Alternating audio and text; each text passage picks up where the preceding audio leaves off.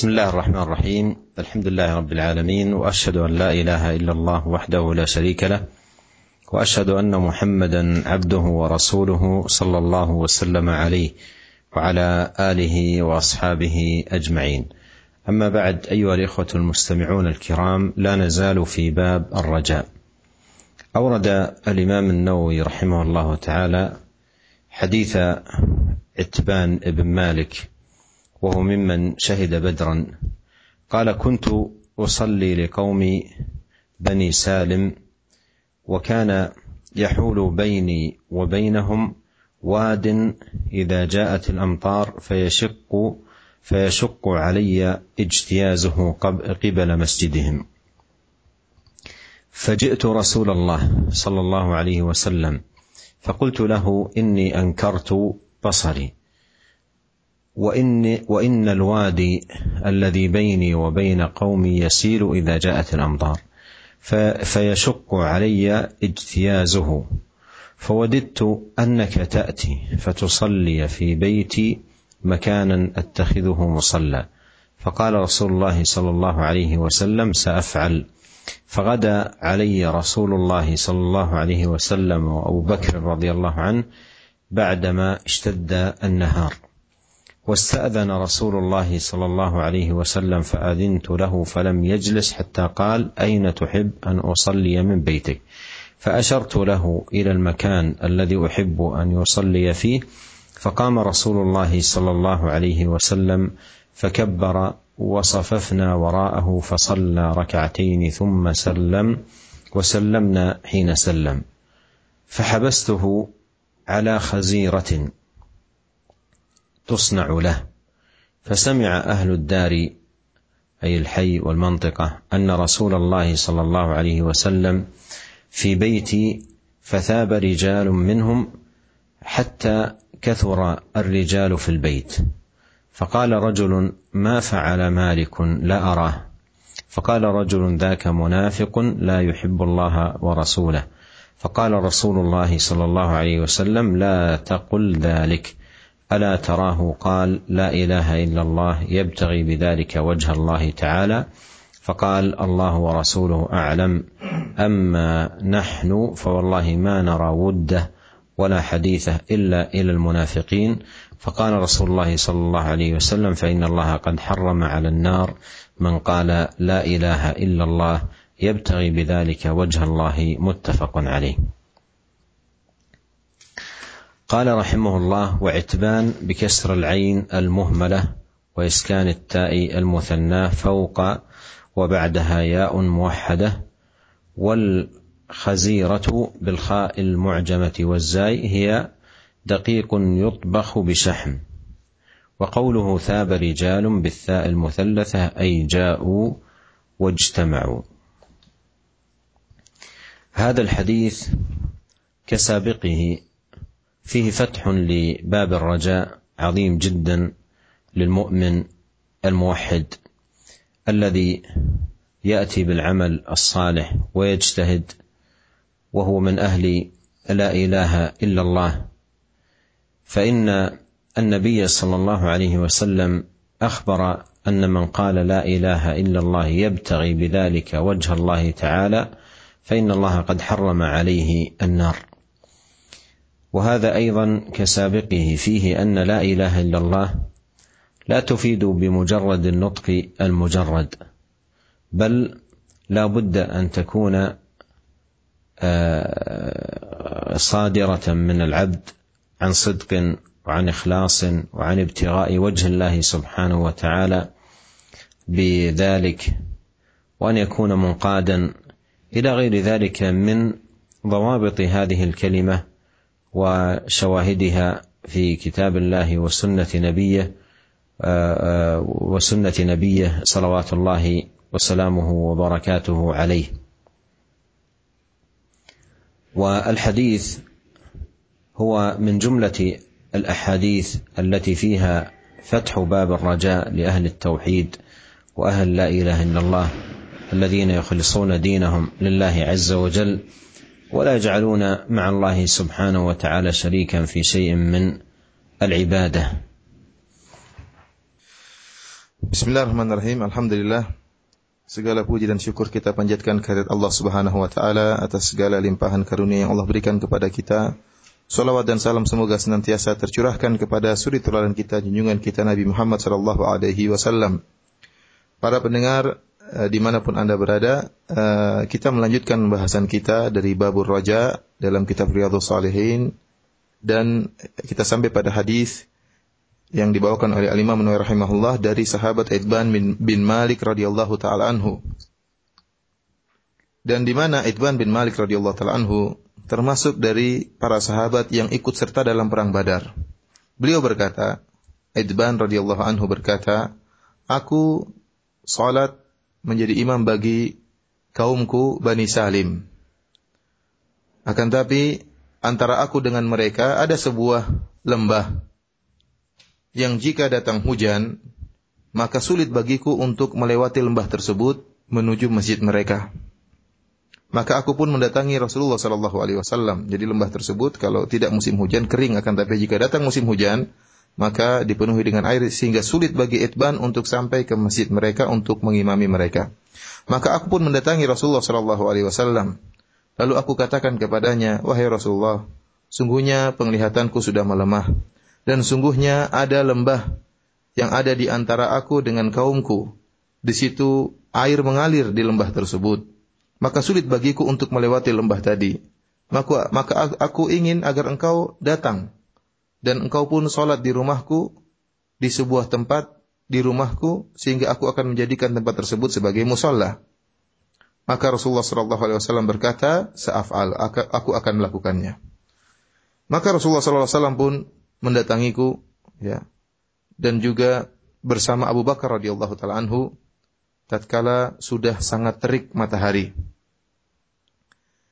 Kemudian Rasulullah SAW minta izin untuk masuk dalam rumahku bersama Abu Bakar, maka aku aku pun mengizinkan beliau. Dan beliau belum sempat duduk di rumahku, sehingga beliau berkata, Aina tuhibbu an usalliyah min baitika? Di mana tempat di rumahmu yang kau ingin aku salat di rumahmu? Maka aku pun mengisyaratkan ke sebuah tempat yang aku ingin dan aku suka agar Nabi Shallallahu Alaihi Wasallam sholat di tempat tersebut. Maka Rasulullah Shallallahu Alaihi Wasallam pun sholat, kemudian bertakbir dan kami pun membuat saf di belakang Rasulullah Shallallahu Alaihi Wasallam. Kemudian Rasulullah SAW pun sholat dua rakaat, kemudian beliau pun salam dan kami pun salam tatkala Rasulullah SAW mengucapkan salam yaitu di akhir sholat beliau. Lalu aku pun menahan beliau untuk Eh, dengan menghidangkan kepada beliau sebuah makanan yang disebut dengan khazirah yaitu sebuah makanan yang merupakan terbuat dari daging dan tepung ya dicampur semacam minyak ya dicampur dengan tepung yang dibuat untuk Nabi Shallallahu alaihi wasallam. Fasami ahlud dar maka penduduk kampungku ya mendengar kedatangan Rasulullah Shallallahu alaihi wasallam di rumahku. Maka datanglah banyak orang ya menuju rumahku sampai akhirnya banyak sekali orang di rumahku. Maka Rasulullah SAW pun bertanya, Ma fa'ala malikun la arahu. Di mana si Malik? Aku tidak melihatnya. Maka ada seorang yang berkata, Malik itu adalah munafik.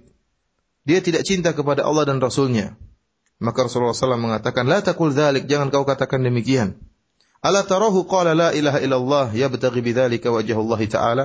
Tidakkah engkau lihat bahwasanya si Malik mengucapkan la ilaha illallah dengan mengharapkan wajah Allah Subhanahu wa taala?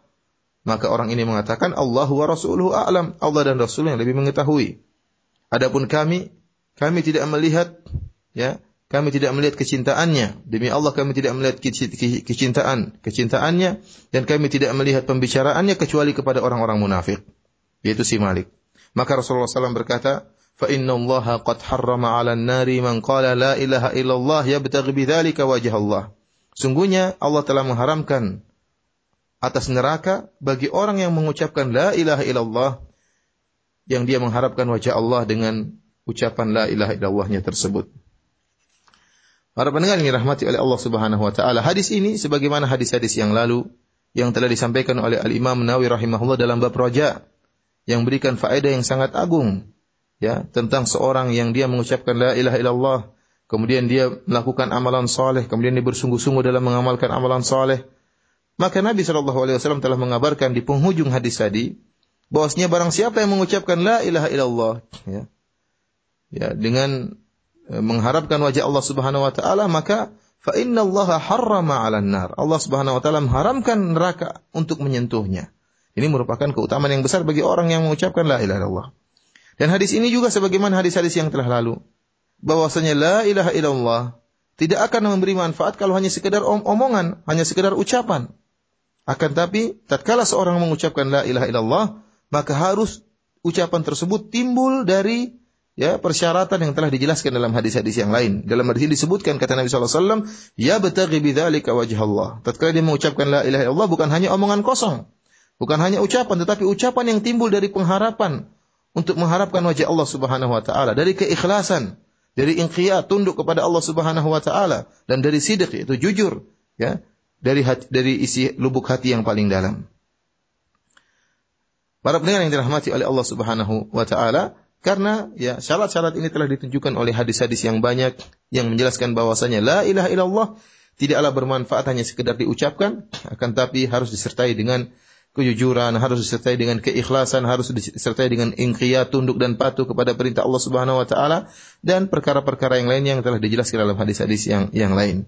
Oleh karenanya hadis ini merupakan eh, termasuk dari hadis-hadis yang memberikan harapan besar bagi kaum muslimin, bagi kaum mukminin bahwasanya barang siapa yang mengucapkan la ilaha illallah, kemudian dia mengucapkannya dengan ikhlas, maka diharapkan dia tidak akan disentuh oleh neraka jahanam.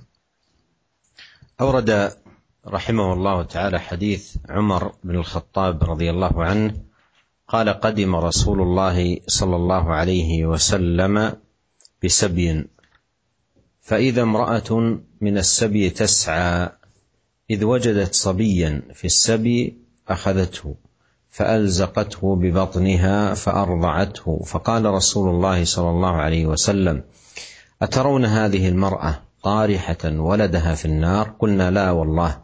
فقال لله أرحم بعباده من هذه بولدها. متفق عليه.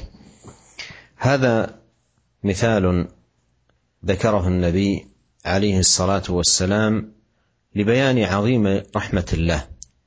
فذكر أعظم رحمة توصف وتقدر في المخلوقين وهي رحمة الأم بولدها ولا سيما في مثل هذه الحال.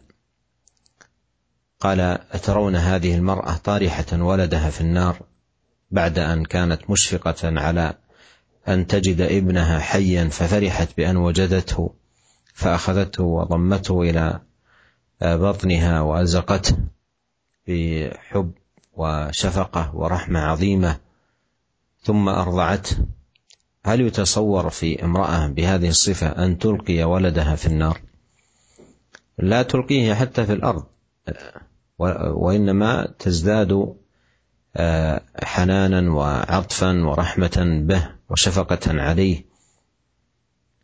فهذا من أعلى ما يكون في مثال رحمة المخلوق للمخلوق. فقال النبي عليه الصلاة والسلام لله أرحم بعباده من هذه بولدها. لله أرحم بعباده من هذه بولدها. فهذا فيه بيان عظيم رحمة الله سبحانه وتعالى.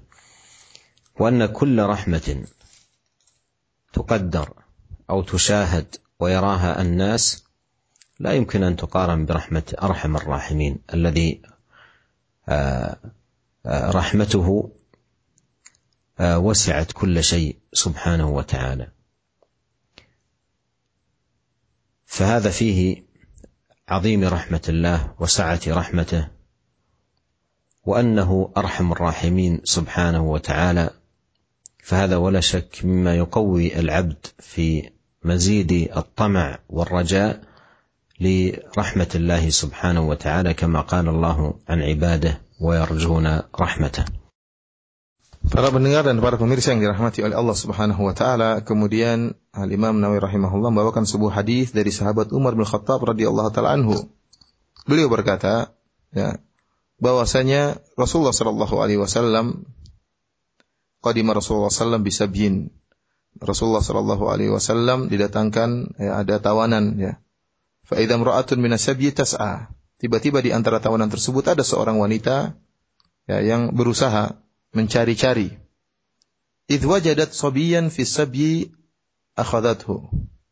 Maka tiba-tiba dia mendapatkan uh, seorang anak di antara tawanan, maka dia pun segera mengambil anak tersebut. Fa'alzaqathu bi batniha, kemudian dia pun menempelkan anak tersebut di perutnya. Fa'arda'athu, kemudian dia pun menyusui anak tersebut. Maka Rasulullah SAW berkata, Atarawna hadhil mar'ata tarihatan waladaha finnar. Apakah menurut kalian wanita ini akan melemparkan anaknya di api?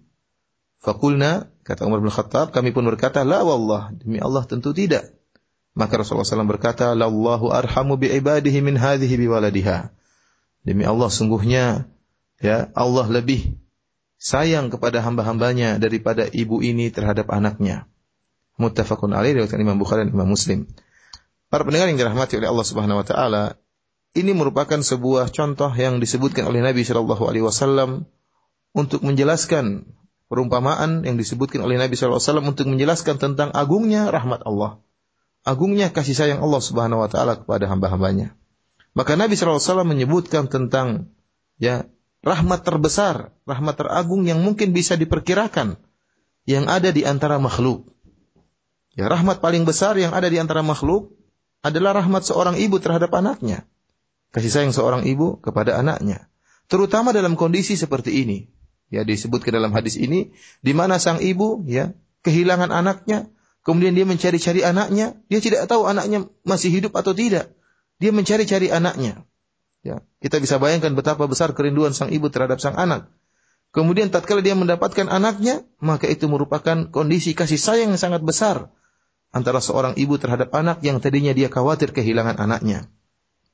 Maka sang ibu ini sebagaimana sebagaimana disebut dalam hadis ya, fa'alzaqathu bi batniha fa'arda'athu maka ibu itu tadi kemudian menempelkan mengambil anak tersebut, kemudian menempelkan di perutnya, kemudian dia segera menyusui anaknya. Kita bisa bayangkan betapa besar kasih sayang yang mengalir dari hati seorang ibu tatkala itu kepada sang anak yang tadi dikhawatirkan meninggal dunia atau masih hidup dia tidak tahu yang tadi kehilangan anak tadi. Kita bisa bayangkan bagaimana kasih sayang seorang ibu yang baru kehilangan anaknya kemudian mendapatkan anaknya. Oleh karenanya Rasulullah SAW menyatakan, apakah dibayangkan ada ibu yang kondisinya seperti ini akan melemparkan anaknya ke api? Tentunya tidak. Jangankan melemparkan ke api, bahkan melemparkannya ke tanah pun tidak mungkin ibu seperti ini. Dan ini merupakan salah satu bentuk rahmat kasih sayang yang paling besar yang mungkin bisa dibayangkan ya antara makhluk dengan makhluk yaitu seorang ibu kasih sayang seorang ibu terhadap anaknya. Nabi Shallallahu alaihi wasallam kemudian berkata, "Lallahu arhamu bi ibadihi min hadhihi biwaladiha." Sungguhnya Allah Subhanahu wa taala lebih sayang kepada hamba-hambanya daripada daripada kasih sayang ibu ini terhadap anaknya. Oleh karenanya seluruh rahmat, seluruh kasih sayang yang mungkin kita bisa bayangkan di dunia ini atau mungkin pernah kita lihat di dunia ini tidak mungkin dibandingkan dengan rahmat Allah Subhanahu wa taala. Kenapa? Karena huwa arhamur rahimin. Allah Subhanahu wa taala adalah zat yang maha pengasih, arhamur rahimin. Dan rahmat rahmat Allah Subhanahu wa taala wasiat kulli. Rahmat Allah meliputi segala sesuatu. Oleh karenanya, barang siapa memperhatikan hadis ini, maka akan menguatkan ter, menguat dalam hatinya rasa harapan, ya, rasa tamak, rakus ingin mendapatkan rahmat Allah Subhanahu wa taala. Ya, rasa pengharapan yang sangat besar. Tamak ingin mengharapkan kasih sayang Allah Subhanahu wa taala, bagaimana tidak Allah Subhanahu wa taala Arhamur Rahimin, zat yang paling maha pengasih kepada hamba-hambanya, kasih sayangnya lebih daripada kasih seorang ibu kepada anaknya. Qala rahimahullah وعن ابي هريره رضي الله عنه قال قال رسول الله صلى الله عليه وسلم لما خلق الله الخلق كتب في كتاب فهو عنده فوق العرش إن رحمتي تغلب غضبي وفي رواية غلبت غضبي وفي رواية سبقت غضبي متفق عليه. هذا الحديث أيها الإخوة المستمعون الكرام فيه اولا إثبات علو الله وأنه فوق عرشه كما قال الرحمن على العرش استوى وفيه أن الله سبحانه وتعالى كتب كتابا فهو عنده سبحانه فوق العرش. إن رحمتي تغلب غضبي.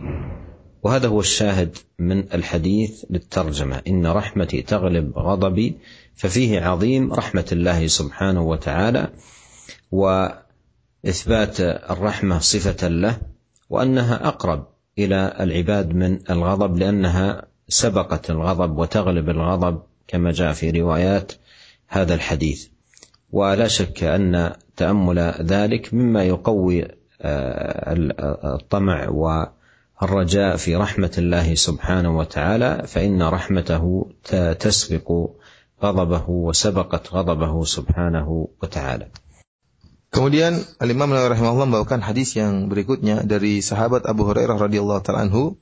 Beliau berkata, Rasulullah SAW bersabda, "Lamma khalaqallahu al-khalqa kataba fi kitabin fahuwa 'indahu fawqa al-'arsy, inna rahmati taglibu ghadabi." Tatkala Allah Subhanahu wa taala menciptakan makhluk, maka Allah menulis di sebuah kitab. Yang kitab tersebut berada di sisi Allah fawqa al-'arsy, di atas arsy. Inna rahmati taglibu ghadabi. Apa yang dicatat oleh Allah Subhanahu wa taala? Inna rahmati taglibu ghadabi, sungguhnya rahmatku mengungguli kemarahanku. Dalam riwayat yang lain, ghalabat ghadabi. Sungguhnya ya, rahmatku kasih sayang, sayangku telah mengalahkan kemarahanku. Dalam riwayat yang lain, sabaqat ghadabi. Sungguhnya rahmatku telah mendahului kemurkaanku. Muttafaqun alaih disebutkan oleh Imam Bukhari dan Imam Muslim. Para pendengar yang dirahmati Allah Subhanahu wa taala dalam hadis ini ya, ada beberapa faedah yang bisa kita ambil. Yang pertama, yaitu penetapan tentang maha tingginya Allah Subhanahu wa taala. Allah Subhanahu wa taala fauqal arsy. Allah Subhanahu wa taala berada di atas arsy Allah Subhanahu wa taala. Ya, berada di atas seluruh langit yang ada yang kita lihat ini. Oleh karenanya Allah Subhanahu wa taala berfirman, Ar-Rahmanu 'alal arsy istawa. Sungguhnya Ar-Rahman yaitu Allah Subhanahu wa taala berada di atas arsy beristiwa. Kemudian Allah Subhanahu wa taala mencatat dalam sebuah kitab yang kitab tersebut berada di sisi Allah Subhanahu wa taala. Apa yang dicatat oleh Allah Subhanahu wa taala? Inna rahmati taghlibu ghadabi. Bahwasanya rahmatku mengungguli kemarahanku. Ya. Ini dalil tentang adanya sifat rahmat bagi Allah Subhanahu wa taala. Bahwasanya Allah Subhanahu wa taala memiliki sifat rahmat, kasih sayang Allah Subhanahu wa taala kepada hamba-hambanya. Dalam riwayat yang lain, ghalabat ghadabi. Sungguhnya kasih sayangku telah mengalahkan ya kemarahanku. Dalam riwayat yang lain, sabaqat ghadabi, bahwasanya kasih sayangku telah mendahului kemarahanku, kemurkaanku. Seorang hamba yang mendengar hadis ini, ya maka akan timbul dalam dirinya harapan, tamak, tamak terhadap rahmat Allah Subhanahu wa taala. Bagaimana tidak Allah Subhanahu wa taala menjelaskan dalam hadis ini bahwasanya kasih sayang Allah Subhanahu wa taala lebih mendahului kepada hamba-hambanya daripada kemurkaan Allah Subhanahu wa taala. ثم اورد رحمه الله حديث ابي هريره رضي الله عنه قال سمعت رسول الله صلى الله عليه وسلم يقول جعل الله الرحمة مائه جزء فأمسك عنده تسعة وتسعين وأنزل في الأرض جزءا واحدا فمن ذلك الجزء يتراحم الخلائق حتى ترفع الدابة حافرها عن ولدها خشية أن تصيبه. وفي رواية إن لله مائه رحمة أنزل منها رحمة واحدة بين الجن والإنس والبهائم والهوام فبها يتعاطفون وبها يتراحمون وبها تعطف الوحش على ولدها. وأخر الله تسعا وتسعين رحمة يرحم بها عباده يوم القيامة متفق عليه. ورواه مسلم أيضا من رواية سلمان الفارسي رضي الله عنه قال قال رسول الله صلى الله عليه وسلم إن لله مائه رحمة فمنها رحمة بها يتراحم الخلق بينهم وتسع وتسعون ليوم القيامة. وفي رواية إن الله خلق يوم خلق السماوات والأرض مائه رحمة كل رحمة طباق ما بين السماء إلى الأرض فجعل منها في الأرض رحمة فبها تعطف الوالدة على ولدها والوحش والطير بعضها على بعض. فإذا كان يوم القيامة أكملها بهذه الرحمة. هذا الحديث فيه عظيم رحمة الله سبحانه وتعالى وفيه أيضا تقوية الرجاء في العبد. فانظر أيها الأخ المسلم الكريم إلى هذه الرحمة التي خلقها الله وهي مئة جزء. وقد جاء في الرواية الأولى جعل الرحمة مئة جزء. جعل الرحمة مئة جزء فأمسك عنده تسعة وتسعين. أي أنه سبحانه وتعالى خلق الرحمة وهذه الرحمة المخلوقة خلقها مئة جزء وأنزل منها جزء واحد. فهذه الرحمة التي تراها الآن في الناس وبينهم سواء من الأم لولدها وهذا من أعظم ما يوصف في رحمة البشر. أو مثلا رحمة الوحوش. تجد أن الوحش المفترس يرفع آه، قدمه عن ولده لئلا يطأه رحمة به. وجعل في أيضا آه، آه، الهوام والبهائم وغيرها جعل فيها رحمة بها تتعاطف وبها تتراحم. يرفع الوحش حافره عن ولده خشية أن يصيبه. من الرحمة التي جعلها الله فيه. فهذه التي توجد في آه، الناس والطير والوحوش وغير ذلك هي جزء من مئة جزء خلقه الله سبحانه وتعالى. وهذه الرحمة المخلوقة التي أثر الرحمة التي هي صفة الله سبحانه وتعالى فهذا كله مما يبين عظيم رحمة الله سبحانه وتعالى وأن العبد يجب عليه الا يقنط من رحمة الله عز وجل وأن يجتهد في بذل الأسباب التي ينال بها رحمة الله لأن رحمة الله سبحانه وتعالى لا ينالها كل أحد إنما ينالها من يوفقهم الله سبحانه وتعالى للعمل بالأسباب التي تنال بها ar-rahmah. Para pendengar yang dirahmati oleh Allah Subhanahu wa taala, kemudian uh, Al-Imam Nawawi rahimahullah membawakan hadis berikutnya dari Abu Hurairah radhiyallahu taala anhu, beliau mengatakan, aku mendengar Rasulullah sallallahu alaihi wasallam bersabda, sungguhnya Allah Subhanahu wa taala menjadikan rahmat seratus bagian. Allah Subhanahu wa taala yang memegang atau menahan 99 rahmat dan Allah menurunkan di bumi satu bagian rahmat saja. Dari satu bagian rahmat tersebut, ya tarahamul khalaik. Dengan satu rahmat tersebut yang Allah turunkan di bumi, maka makhluk pun saling menyayangi. Hatta tarfa'a dabatu hafiraha an waladiha khasyata an tusibahu. Sampai-sampai dengan rahmat satu rahmat tadi, seekor hewan ya mengangkat kakinya dari anaknya khawatir sampai khawatir jangan sampai menginjak anaknya tersebut. Dalam riwayat yang lain, Rasulullah SAW bersabda, Inna lillahi mi'ata rahmah. Sungguhnya Allah memiliki seratus rahmat. Allah menurunkan di antara rahmat tersebut satu rahmat. Di antara jin dan manusia, di antara hewan-hewan, di antara burung-burung. Dengan rahmat tersebut, maka ya hewan-hewan tadi saling mengasihi, saling menyayangi. Wabiha ta'atiful wahsyu ala waladiha. Sampai-sampai dengan rahmat tersebut, seekor hewan yang buas ya mengasihi anaknya. Wa akharallahu tis'an wa tis'ina rahmah dan Allah menahan 99 rahmat. Yang dengan 99 rahmat tadi Allah akan mengasihi hamba-hambanya pada hari kiamat kelak. Muttafaqun alaih diriwayatkan Imam Bukhari dan Imam Muslim. Dan Imam Muslim rahimahullah, Al-Imam Muslim dalam sahihnya juga meriwayatkan dari hadis Salman Al-Farisi. Kalau tadi dari hadis Abu Hurairah, ada juga hadis dari Salman Al Farisi radhiyallahu anhu bahwasanya Rasulullah SAW bersabda, Inna lillahi mi'ata rahmah. Sungguhnya Allah Subhanahu wa taala memiliki seratus rahmat. Di antara seratus rahmat tersebut, ya, Allah uh, ada satu rahmat, satu rahmat yang dengan rahmat satu rahmat tersebut maka para makhluk saling mengasihi di antara mereka. Adapun sisanya 99 rahmat disisahkan atau ditunda sampai hari kiamat kelak. Dalam riwayat yang lain, Rasulullah SAW bersabda, sungguhnya Allah Subhanahu Wa Taala tatkala menciptakan langit dan bumi, Allah menciptakan seratus rahmat. Ya Allah menciptakan seratus rahmat. Setiap rahmat tiba aku ma baina sama'i wal ard. Setiap rahmat itu ya luasnya meliputi antara langit dan bumi.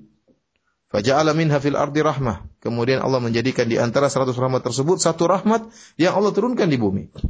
Karena satu rahmat tersebut, maka Ya, seorang induk sayang kepada anaknya, seorang ibu sayang kepada anaknya, seorang atau seekor seekor binatang buas, ya, seekor burung, ya saling mengasihi di antara mereka. Dan jika tiba hari kiamat, maka Allah Subhanahu wa taala akan menyempurnakan satu rahmat tadi dengan 199 rahmat yang Allah tahan untuk hari kiamat. Para pendengar yang dirahmati oleh Allah Subhanahu wa taala, hadis ini menjelaskan tentang luasnya dan agungnya rahmat Allah Subhanahu wa taala. Ya. Dan hadis ini menguatkan harapan dalam hati seorang hamba. Lihatlah bagaimana Allah Subhanahu wa taala telah menciptakan 100 rahmat. Jadi seratus rahmat yang disebutkan dalam hadis ini adalah rahmat makhlukah, yaitu rahmat yang diciptakan oleh Allah Subhanahu wa taala. Kemudian Allah Subhanahu wa taala setelah menciptakan seratus rahmat, 99 Allah tahan. Allah hanya menurunkan di bumi satu rahmat saja. Dan lihatlah bagaimana dampak dari satu rahmat ini. Dengan rahmat satu rahmat ini, muncullah kasih sayang di antara makhluk yang ada. Seluruh kasih sayang yang kita lihat di atas muka bumi ini, kasih sayang seorang ibu terhadap anaknya, kasih sayang orang tua terhadap anaknya, kasih sayang eh, hewan-hewan, induk-induk hewan terhadap anak-anaknya, ya, kasih sayang antara makhluk satu dengan makhluk yang lain seluruhnya merupakan asar atau dampak dari satu rahmat ini. Bahkan sampai-sampai seekor hewan ya menahan kakinya jangan sampai menginjak anaknya itu disebabkan rahmat yang Allah turunkan satu bagian dari dari yang Allah turunkan dari seratus bagian. Bahkan binatang buas. Kita dapati binatang buas begitu buas akan tapi dia sayang kepada anaknya. Ini merupakan salah satu, salah satu sebab dari satu rahmat yang Allah turunkan di muka bumi ini. Demikian juga burung-burung, hewan-hewan yang lainnya yang saling mengasihi di antara mereka, semuanya hanya dari satu rahmat yang Allah turunkan. Bagaimana lagi dengan 99 rahmat yang Allah sisakan? Yang Allah sisakan, yang Allah tahan, yang nanti Allah akan turunkan pada hari kiamat kelak. Seluruh ini merupakan rahmat yang Allah ciptakan. Dan ini merupakan dampak atau ya, merupakan uh, perpanjangan dari sifat rahmat Allah Subhanahu wa taala. Karena Allah memiliki sifat rahmat, maka Allah menciptakan seratus rahmat bagi makhluknya. Oleh karenanya seorang hamba jangan sampai dia putus asa dari rahmat Allah Subhanahu wa taala dan dia berusaha bersungguh-sungguh untuk mengambil sebab agar bisa meraih rahmat Allah Subhanahu wa taala karena rahmat Allah tidak mungkin diraih oleh seluruh orang, enggak. Tidak semua orang bisa meraih rahmat Allah Subhanahu wa taala. Yang bisa meraihnya hanyalah seorang yang berusaha mengambil sebab dengan beramal soleh agar dirahmati oleh Allah Subhanahu wa taala. أورد رحمه الله تعالى حديث أبي هريرة رضي الله عنه عن النبي صلى الله عليه وسلم فيما يحكي عن ربه تبارك وتعالى قال أذنب عبد ذنبا فقال اللهم اغفر لي ذنبي. فقال الله تبارك وتعالى أذنب عبدي ذنبا فعلم أن له ربا يغفر الذنب ويأخذ بالذنب ثم عاد فأذنب. فقال أي رب اغفر لي ذنبي. فقال تبارك وتعالى أذنب عبدي ذنبا فعلم أن له ربا يغفر الذنب ويأخذ بالذنب ثم عاد فأذنب. فقال أي ربي اغفر لي ذنبي. فقال تبارك وتعالى أذنب عبدي ذنبا فعلم أن له ربا يغفر الذنب ويأخذ بالذنب. قد غفرت لعبدي فليفعل ما شاء. متفق عليه. وقوله تعالى فليفعل ما شاء أي ما دام يفعل هكذا يذنب ويتوب أغفر له فإن التوبة تهدم ما قبلها. هذا الحديث فيه بيان عظيم رحمة الله وسعة مغفرته وأن من صدق مع الله في التوبة إليه والإنابة وطلب الغفران فإن الله سبحانه وتعالى لا يرده خائبا بل إنه يغفر آه، ذنوب التائبين المنيبين إلى الله سبحانه وتعالى. ولما كان الإنسان عرضة للخطأ فإن كل بني آدم خطاء. لما كان الإنسان عرضة للخطأ فإنه قد يتوب إلى الله ثم تنفلت منه نفسه فيذنب الذنب نفسه أو ذنبا آخر. فعليه أن ينيب إلى الله. وفي هذا المقام الواجب على العبد أن يجاهد اولا نفسه على عدم فعل الذنب ويمنعها من فعله حتى يسلم من مغبته وسوء عاقبته وإذا انفلتت نفسه منه ووقع في شيء من الذنوب فليبادر إلى التوبة وليعلم أن له ربا يغفر الذنب ويأخذ بالذنب. فعليه أن ينيب إلى الله سبحانه وتعالى وأن يتوب إلى الله توبة صادقة ليغفر له ما كان منه من ذنوب. والشاهد أن هذا الحديث هو من جملة الأحاديث التي فيها الرجاء وتقوية الرجاء بالله والطمع فيما عنده وألا ييأس صاحب الذنب من رحمة الله بل بل ليتب إلى الله وليصدق مع الله في التوبة و والله سبحانه وتعالى يغفر له ذنبه. وقد أورد الإمام النووي رحمه الله تعالى في أول ما أورده في هذه الترجمة قول الله سبحانه وتعالى قل يا عبادي الذين أسرفوا على أنفسهم لا تقنطوا من رحمة الله إن الله يغفر الذنوب جميعا. أي عليكم بتقوية الرجاء بالله عز وجل والطمع في رحمته وذلك بالإنابة إليه والإقبال عليه والتوبة من الذنوب والله عز وجل يغفر الذنوب جميعا. Para pendengar yang dirahmati oleh Allah Subhanahu wa taala, kemudian Al-Imam Nawawi rahimahullah membawakan sebuah hadis dari Abu Hurairah radhiyallahu taala anhu dari Nabi sallallahu alaihi wasallam yaitu terkala Nabi sallallahu alaihi wasallam ya mengkisahkan atau menghikayatkan dari Allah Subhanahu wa taala yaitu hadis kursi di mana Allah Subhanahu wa taala berfirman Adnaba abdun zamban. Sungguhnya seorang hamba melakukan sebuah dosa. Kemudian hamba itu berkata Allah maghfirli dzambi ya Allah ampunilah dosaku maka Allah Subhanahu wa taala berkata Adnaba abdi dzamban fa'alima anna lahu rabban yaghfiru dzam wa ya'khudhu bidzam sungguhnya hambaku telah melakukan sebuah dosa kemudian dia sadar bahwasanya dia memiliki Tuhan pencipta yang mengampuni dosa dan juga menghukum karena dosa. Maka dia pun kembali lagi dan berdosa kembali, berdosa lagi, berbuat dosa lagi. Tatkala dia berbuat dosa lagi dia berkata, "Wahai Rabbku, ampunilah aku, ampunilah dosaku." Maka Allah Subhanahu wa taala berkata, "Sungguhnya hambaku telah berdosa." Namun dia mengetahui bahwasanya dia memiliki Tuhan yang mengampuni dosa dan menghukum dengan dosa. Kemudian hamba ini setelah bertobat mengulangi lagi dosanya. Summa ada, kembali lagi dan berbuat dosa lagi. Kemudian dia berkata lagi hamba ini setelah berdosa, "Ya Allah, ampunilah hamba, ampunilah dosaku. Ya Rabb, ampunilah dosaku." Maka Allah berkata, "Hambaku telah berbuat dosa." Namun dia sadar bahwasanya dia mengetahui bahwasanya Tuhannya dia memiliki Tuhan yang mengampuni dosanya dan menghukum dengan dosa. Maka Allah Subhanahu wa taala berfirman, "Qad kafartu li 'abdi falyaf'al ma syaa." Sungguh aku telah mengampuni hambaku tersebut. Maka hendaknya dia melakukan apa yang dia kehendaki. Al-Imam Nawawi rahimahullah mengatakan, adapun firman Allah Subhanahu wa taala atau perkataan Allah, "Falyaf'al ma syaa," hendaknya hambaku melakukan apa yang dia kehendaki. Artinya, kata Imam Nawawi, "Madama yaf'alu hakadha yudhnib wa yatub aghfir lahu, fa inna taubata tahdimu ma qablaha." Selama hambaku berdosa kemudian bertobat, maka aku akan tetap mengampuninya. Karena taubat akan menghancurkan ya apa-apa dosa-dosa yang sebelumnya. Para pendengar yang dirahmati oleh Allah Subhanahu wa taala, dalam hadis ini juga penjelasan tentang luasnya rahmat Allah Subhanahu wa taala. Ya, agungnya rahmat Allah Subhanahu wa taala.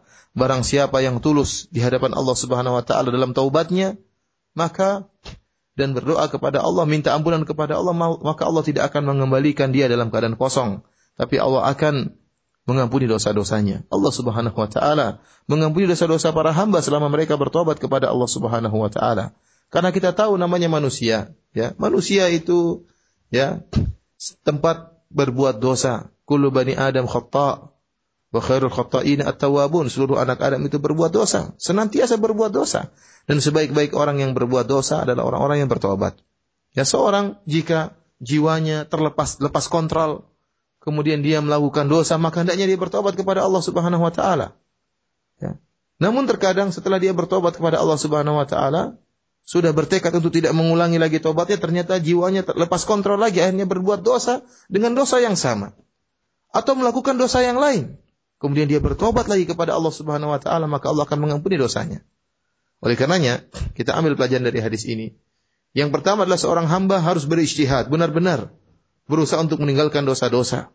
Segala bentuk dosa dia berusaha untuk menjauhinya dan bersungguh-sungguh dalam meninggalkan dosa tersebut. Akan tapi jika ternyata jiwanya, nafsunya tidak bisa dia kontrol, terlepas, akhirnya terjerumus dalam dosa, maka hendaknya dia segera bertobat. Jangan ditunda-tunda tobatnya. Dan benar-benar tobatnya adalah tobat yang sadiqah, yang tulus kepada Allah Subhanahu wa taala.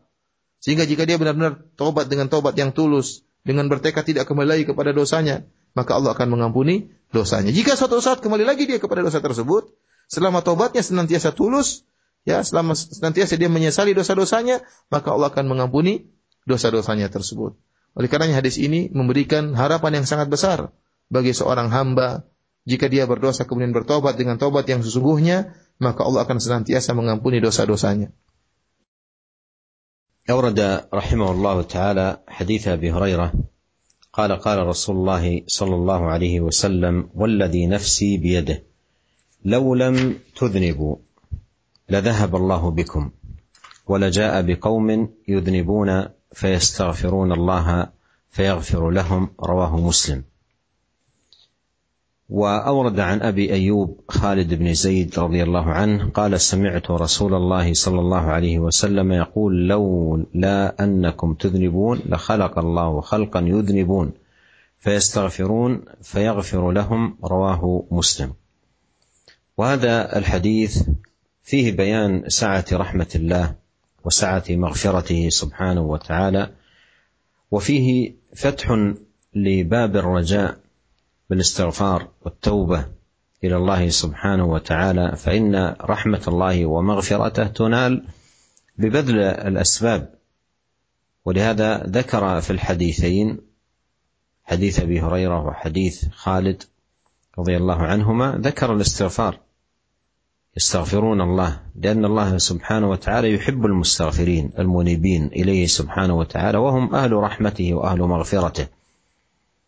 وأن الواجب على العبد أن يكون كذلك. وليس العبد بالمعصوم من الذنوب لكن عليه أن يبادر بالإنابة والتوبة وطلب المغفرة من الله سبحانه وتعالى فإن الله يحب التوابين ويحب المستغفرين. Para pendengar yang dirahmati oleh Allah Subhanahu wa taala, sungguhnya seorang tidak boleh putus asa dari rahmat Allah Subhanahu wa taala. di awal dari bab roja ya, ya eh, Imam Nawawi rahimahullah telah membawakan sebuah ayat ya. Ya kata di mana Allah Subhanahu wa taala berfirman la taqnatu min rahmatillah. Inna Allah la yaghfiru dzunuba jami'an innahu huwal ghafurur rahim. Janganlah kalian putus asa dari rahmat Allah Subhanahu wa taala. Sungguhnya Allah Subhanahu wa taala mengampuni seluruh dosa jika para hamba bertobat kepada Allah Subhanahu wa taala. Kemudian Imam Nawawi rahimahullah membawakan hadis berikutnya ya dari Abu Hurairah radhiyallahu taala anhu di mana Rasulullah SAW bersabda walladzi nafsi biyadihi law lam tuznibu la dhahaballahu bikum. Demi zat yang jiwaku berada di tangannya ya, kalau seandainya kalian tidak berdosa maka Allah akan menghilangkan kalian. Wala jaa biqaumin yudhnibun fayastaghfirunallaha taala fayaghfiru lahum kemudian Allah Subhanahu wa taala akan mendatangkan suatu kaum yang mereka berbuat dosa, kemudian mereka beristighfar kepada Allah Subhanahu wa taala, maka Allah pun mengampuni dosa-dosa mereka. Hadis ini hadis yang diriwayatkan oleh Imam Muslim dalam sahihnya. Kemudian Al Imam Nawawi rahimahullah juga membawakan hadis berikutnya dari Abu Ayyub Khalid bin Zaid radhiyallahu taala anhu. Beliau mengatakan, "Sami'tu Rasulullah sallallahu alaihi wasallam yaqul, aku mendengar Rasulullah SAW bersabda, "Laula annakum tuznibun, khalqan yudhnibun fayastaghfiruna fayaghfiru lahum."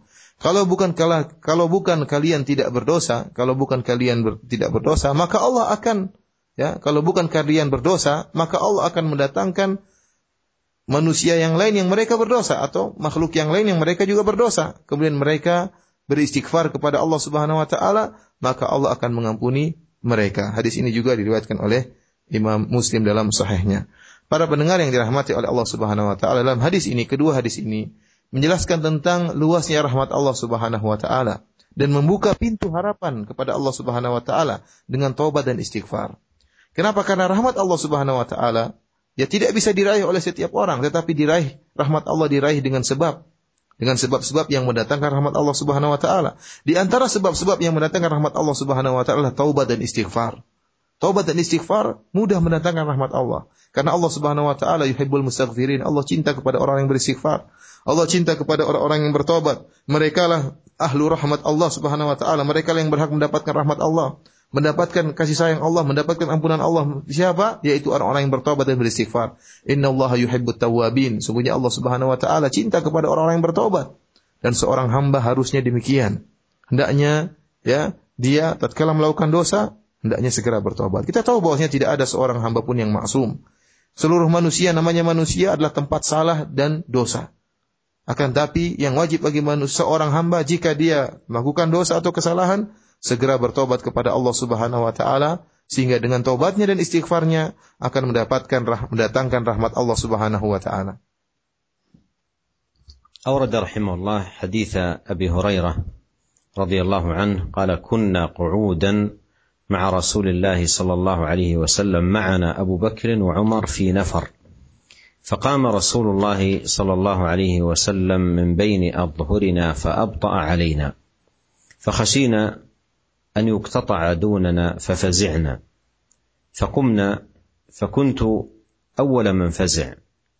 فخرجت أبتغي رسول الله صلى الله عليه وسلم حتى أتيت حائطا للأنصار وذكر الحديث بطوله إلى قوله فقال رسول الله صلى الله عليه وسلم اذهب فمن لقيت وراء هذا الحائط يشهد أن لا إله إلا الله مستيقنا بها قلبه فبشره بالجنة. رواه مسلم. وهذا الحديث مر له نظائر في فضل التوحيد وأن التوحيد مفتاح الجنة فليحرص على من يرجو رحمة الله على التوحيد. من يرجو أن يكون من الفائزين برحمة الله فليحرص على التوحيد لأن من لا يأتي يوم القيامة موحدا لا مطمع له في رحمة الله. كما قال الله سبحانه وتعالى فمن كان يرجو لقاء ربه فليعمل عملا صالحا ولا يشرك بعبادة ربه أحدا. أما من يأتي والعياذ بالله مشركا بالله غيره من شجر أو حجر أو قبر أو غير ذلك فإنه قطع على نفسه السبيل للفوز برحمة الله سبحانه وتعالى لأن الرحمة إنما تنال بوجود الأصول التي آه، لا بد من وجودها لتنال رحمة الله والتوحيد هو أصل الأصول وأساس الدين الذي عليه قيامه فمن فقد التوحيد فقد فقد الرحمه عياذا بالله من ذلك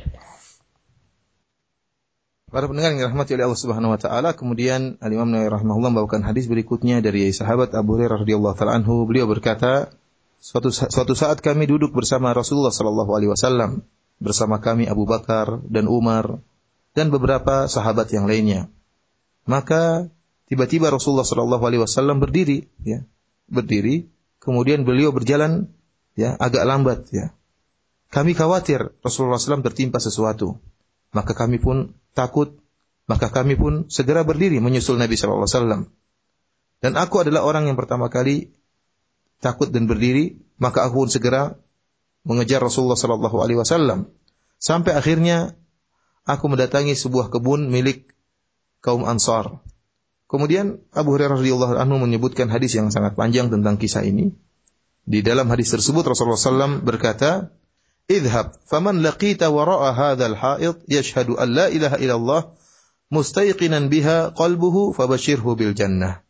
Kata Nabi SAW kepada Abu Hurairah radhiyallahu anhu, pergilah dan barang siapa yang kau temui di belakang kebun ini dan dia bersyahadah mempersaksikan bahwasanya tidak ada sembahan yang berhak disembah kecuali Allah Subhanahu wa taala, mustaiqinan biha qalbuhu dalam keadaan hatinya yakin dengan persaksiannya tersebut, fabashirhu bil jannah, maka kabarkanlah baginya kabar gembira yaitu dengan masuknya dia ke dalam surga. Hadis ini hadis yang diriwayatkan oleh Imam Muslim dalam sahihnya.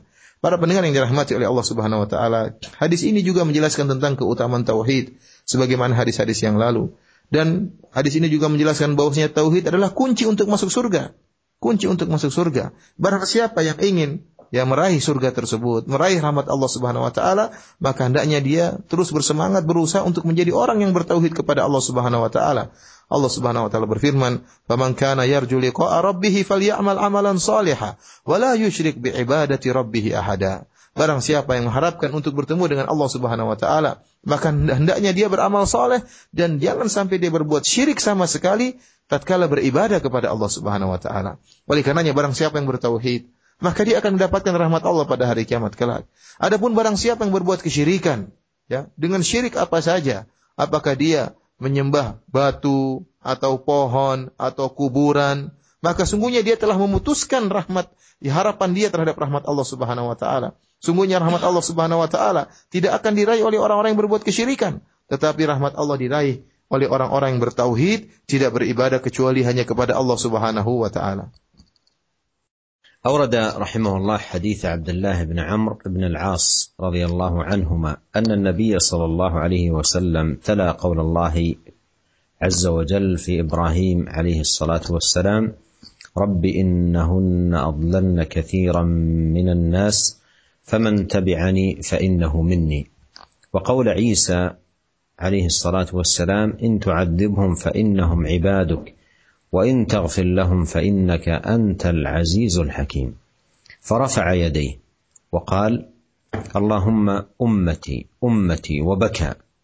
فقال الله عز وجل يا جبريل اذهب إلى محمد وربك أعلم فسله ما يبكيه. فأتاه جبريل فأخبره رسول الله صلى الله عليه وسلم بما قال وهو أعلم. فقال الله تعالى يا جبريل اذهب إلى محمد فقل إنا سنرضيك في أمتك ولا نسوءك. رواه مسلم. الله أكبر. ما أعظم هذه الرحمة والرأفة التي جعلها الله سبحانه وتعالى في قلب هذا النبي العظيم صلوات الله وسلامه عليه بأمته. وجزاه عن أمته خير ما جزى نبي عن أمته صلوات الله وسلامه وبركاته عليه. فها هو كما في هذا الحديث العظيم يرفع يديه ويبكي متوسلا وسائلا وطالبا من الله أمتي أمتي. يطلب من الله سبحانه وتعالى الرحمة والمغفرة لهذه الأمة. تلا قول الله في ذكر دعاء إبراهيم رب إنهن اضللن كثيرا من الناس فمن تبعني فإنه مني ومن عصاني فإنك غفور رحيم. انظر أيها المسلم ماذا قال إبراهيم الخليل لما ذكر العصاة؟ قال ومن عصاني فإنك غفور رحيم. ما قال ومن عصاني فأهلك؟ أخزه. قال ومن عصاني فإنك غفور رحيم. وذكر نبينا عليه الصلاة والسلام دعوة عيسى. ذكر قول عيسى إن تعذبهم فإنهم عبادك وإن تغفر لهم فإنك أنت العزيز الحكيم. فرفع يديه وقال اللهم أمتي أمتي يطلب من الله المغفرة والرحمة.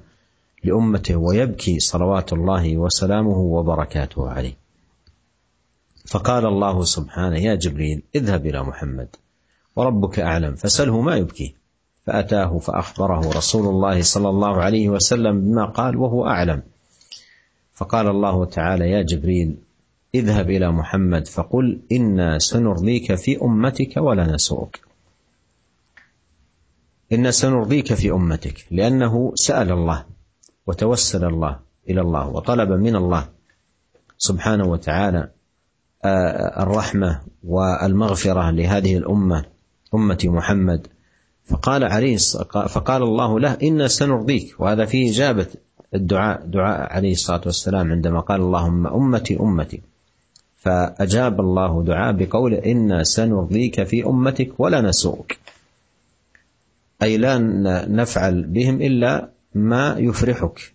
أما الذي يسوءك فلا نفعله بهم فهذا في باب الرجاء لهذه الأمة المرحومة أمة محمد عليه الصلاة والسلام. ولكن لا بد في ذلك أيها الأخ المؤمن من الاستقامة على طاعة الله واتباع رسول الله صلى الله عليه وسلم. لا أن يكون الإنسان معرضا مفرطا مهملا. ثم آه، يأتي يريد الفوز والنجاة. فإن الله يقول ليس بأمانيكم ولا أماني أهل الكتاب. من يعمل سوءا يجزى به. فلنتنبه لذلك. ولما قال عليه الصلاة والسلام في الحديث كل أمتي يدخلون الجنة إلا من أبى قال ومن يأبى يا رسول الله؟ قال من أطاعني دخل الجنة ومن عصاني فقد أبى. فيجب التنبه لذلك وأن يحرص المسلم على الاستقامة بطاعة الله على طاعة الله واتباع شرع الله ليفوز برحمة الله وعظيم مغفرته سبحانه وتعالى. ونسأل الله جل في علاه أن ينفعنا أجمعين بما علمنا وأن يغفر لنا ذنبنا كله دقه وجله أوله وآخره. وأن يتجاوز عنا وأن يصلح لنا شأننا كله وأن لا يكلنا إلى أنفسنا طرفة عين إنه سميع الدعاء وهو أهل الرجاء وهو حسبنا ونعم الوكيل Para pendengar yang dirahmati oleh Allah Subhanahu wa taala, kemudian Imam Nawawi rahimahullah membawakan suatu hadis dari sahabat Abdullah bin Amr bin Al-As radhiyallahu taala anhuma bahwasanya Nabi Shallallahu alaihi wasallam pernah membaca firman Allah Subhanahu wa taala ya yaitu doa yang pernah diucapkan oleh Nabi Ibrahim alaihissalam, "Rabbi innahunna adlalna katsiran minan nas, faman tabi'ani fa innahu minni." Ya, ya Allah, sungguhnya ya patung-patung tersebut telah menyesatkan banyak manusia Barang siapa yang mengikutiku, maka dia termasuk dariku. Ya, kemudian juga ya doa Nabi Isa alaihissalam di mana Nabi Isa alaihissalam pernah berkata, "In tu'adzibuhum fa innahum ibaduk, wa in taghfir lahum fa innaka antal azizul hakim." Jika engkau mengadab mereka, ya Allah, sungguhnya mereka adalah hamba-hambamu. Dan jika engkau mengampuni mereka, sungguhnya engkau adalah maha perkasa lagi maha bijaksana. Maka Nabi Shallallahu Alaihi Wasallam pun setelah membaca dua ayat ini, Nabi Shallallahu Alaihi Wasallam mengangkat kedua tangannya Kemudian Nabi SAW berdoa, Allahumma ummati ummati, ya Allah, umatku, umatku. Wabaka, kemudian Nabi SAW menangis. Maka Allah Subhanahu wa taala berkata, "Ya Jibril, pergilah kepada Muhammad dan Tuhanmu lebih mengetahui." Ya. Maka tanyalah kepada Muhammad apa yang membuat dia menangis. Maka Jibril alaihissalam pun mendatangi Rasulullah sallallahu alaihi wasallam. Kemudian Rasulullah SAW pun mengabarkan kepada Jibril tentang apa yang dia ucapkan dan Allah Subhanahu wa taala, maka Jibril Jibril uh, maka Jibril uh, dan Allah Subhanahu wa dan Allah Subhanahu wa taala lebih mengetahui, maka Allah Subhanahu wa taala berkata, "Wahai Jibril, idhab ila Muhammad, pergilah kepada Muhammad, fakul dan katakanlah kepada Muhammad, inna sanurdika fi ummatika wa la nasu'uk." Sungguhnya kami akan membuat engkau ridha tentang umatmu dan kami tidak akan buat engkau ya sus, uh, tidak suka dengan uh, perkara yang berkaitan dengan umatmu. Hadis ini diriwayatkan oleh Imam Muslim dalam sahihnya. Para pendengar yang dirahmati oleh Allah Subhanahu wa taala, ya, Allahu Akbar ya. Betapa besar rahmat dan kasih sayang yang ada di hati Nabi kita Muhammad sallallahu alaihi wasallam. Betapa luas rahmat dan kasih sayang yang Allah tanamkan dalam hati Nabi Muhammad sallallahu alaihi wasallam, kasih sayang kepada umatnya. Semoga Allah Subhanahu wa taala memberikan balasan yang setimpal yang luas kepada Nabi Shallallahu Alaihi Wasallam karena kasih sayang beliau yang begitu besar terhadap umatnya. Lihatlah bagaimana Nabi kita Muhammad Shallallahu Alaihi Wasallam mengangkat kedua tangannya, kemudian menangis, bertawasul, berdoa kepada Allah Subhanahu Wa Taala, minta kepada Allah Subhanahu Wa Taala agar Allah merahmati umatnya, agar Allah mengampuni umatnya. Ya. Inilah bagaimana kasih sayang Nabi Shallallahu Alaihi Wasallam kepada umatnya. Nabi Shallallahu Alaihi Wasallam membaca firman Allah Subhanahu Wa Taala tentang Nabi Ibrahim, doa Nabi Ibrahim alaihissalam di mana Nabi Ibrahim berdoa, "Rabbi innahunna adlalna katsiran minan nas." Ya Allah, sungguhnya patung-patung tersebut telah menyesatkan banyak manusia. Faman tabi'ani fa innahu minni wa man 'asani fa innaka ghafurur rahim. Barang siapa yang mengikutiku, sungguhnya dia dariku. Dan barang siapa yang bermaksiat kepadaku, melanggar perintahku, fa innaka ghafurur rahim. Sungguhnya engkau maha pengampun lagi maha penyayang. Nabi Ibrahim alaihissalam tidak berkata, Ya Allah, barang siapa yang tidak taat kepadaku, maka hancurkan dia, binasakanlah dia, ya siksalah dia. Tetapi Nabi Ibrahim mengatakan, Fa innaka ghafurur rahim. Ya Allah, barang siapa yang tidak taat kepadaku dari umatku, maka sungguhnya engkau maha pengampun, lagi maha penyayang. Ini menunjukkan bagaimana rahmat kepada umat. Kemudian juga Nabi Muhammad sallallahu alaihi wasallam membaca doa Nabi Isa alaihissalam. Di mana Nabi Isa berdoa, ya bahwasanya in tu'adzibuhum fa innahum ibaduk jika engkau mengazab mereka ya Allah, sungguhnya mereka adalah hamba-hambamu. Ini adalah kasih sayang rahmat Nabi Isa kepada umatnya. Yang tatkala Nabi Shallallahu Alaihi Wasallam membaca dua ayat ini, maka Nabi Shallallahu Alaihi Wasallam pun menangis. Beliau segera mengangkat kedua tangannya, kemudian berdoa kepada Allah Subhanahu Wa Taala dengan penuh tangisan, berharap agar Allah mengampuni umatnya, berharap agar Allah merahmati umatnya. Maka Allah Subhanahu Wa Taala pun memerintahkan Jibril untuk bertanya kepada Nabi Muhammad sallallahu alaihi wasallam apa yang menyebabkan Nabi Muhammad menangis dan tentunya Allah sudah tahu tentang sebabnya. Maka Jibril alaihissalam pun datang kepada Nabi sallallahu alaihi wasallam. Kemudian Rasulullah sallam ya mengabarkan tentang sebab apa yang buat dia menangis. Akhirnya Allah Subhanahu wa taala berkata, "Ya Jibril, idhab ila Muhammad." Wahai Jibril, pergilah kepada Muhammad. Kabarkanlah kepadanya, "Inna sanurdika fi ummati." Kami akan buat engkau ridha tentang umatmu akan buat senang dengan apa yang berkaitan dengan umatmu. Wala nasu'uka. Dan kami tidak akan buat engkau gelisah, engkau susah, atau engkau tidak suka dengan perkara yang berkaitan dengan umatmu. Para pendengar yang dirahmati oleh Allah Subhanahu wa taala, artinya Allah mengatakan kami tidak akan bertindak terhadap umatmu kecuali yang menyenangkan hatimu. Akan tapi yang perlu kita ingat para pendengar dan para pemirsa yang dirahmati oleh Allah Subhanahu wa taala, labut kita harus istiqamah. Kita harus istiqamah dalam menjalankan ketaatan kepada Allah Subhanahu wa taala. Kita harus istiqamah dalam mengikuti sunnah Nabi Shallallahu alaihi wasallam. Jangan sampai seorang hanya mengharapkan rahmat Allah, hanya mengharapkan ampunan Allah Subhanahu wa taala sementara dia tidak istiqamah. Dia adalah orang yang berpaling dari perintah Allah, berpaling dari perintah Nabi Shallallahu alaihi wasallam, malas dalam beribadah, dia tidak peduli dengan syariat Nabi Shallallahu Alaihi Wasallam, kemudian dia mengharapkan ampunan, mengharapkan surga, mengharapkan keselamatan dari neraka. Inilah perkara yang keliru. Ya, Allah Subhanahu wa taala mengatakan laisa bi amaniyukum wala amani ahli kitab, man ya'mal su'an yujza bih. Ya, bukanlah angan-angan kalian dan juga bukan angan-angan ahlul kitab. Barang siapa yang melakukan keburukan akan dibalas oleh Allah Subhanahu wa taala. Rasulullah SAW juga bersabda dalam satu hadis yang agung, "Kullu ummati yadkhuluna al-jannah illa man aba." Seluruh umatku akan masuk surga kecuali yang enggan. Para sahabat heran, "Wa man ya'ba ya Rasulullah?" Siapa yang enggan masuk surga wahai Rasulullah? Kata Nabi SAW, "Man ata'ani dakhala al-jannah." Soni fakot aba. Barang siapa yang taat kepadaku masuk surga. Dan barang siapa yang bermaksiat tidak patuh kepadaku, dialah yang enggan untuk masuk surga.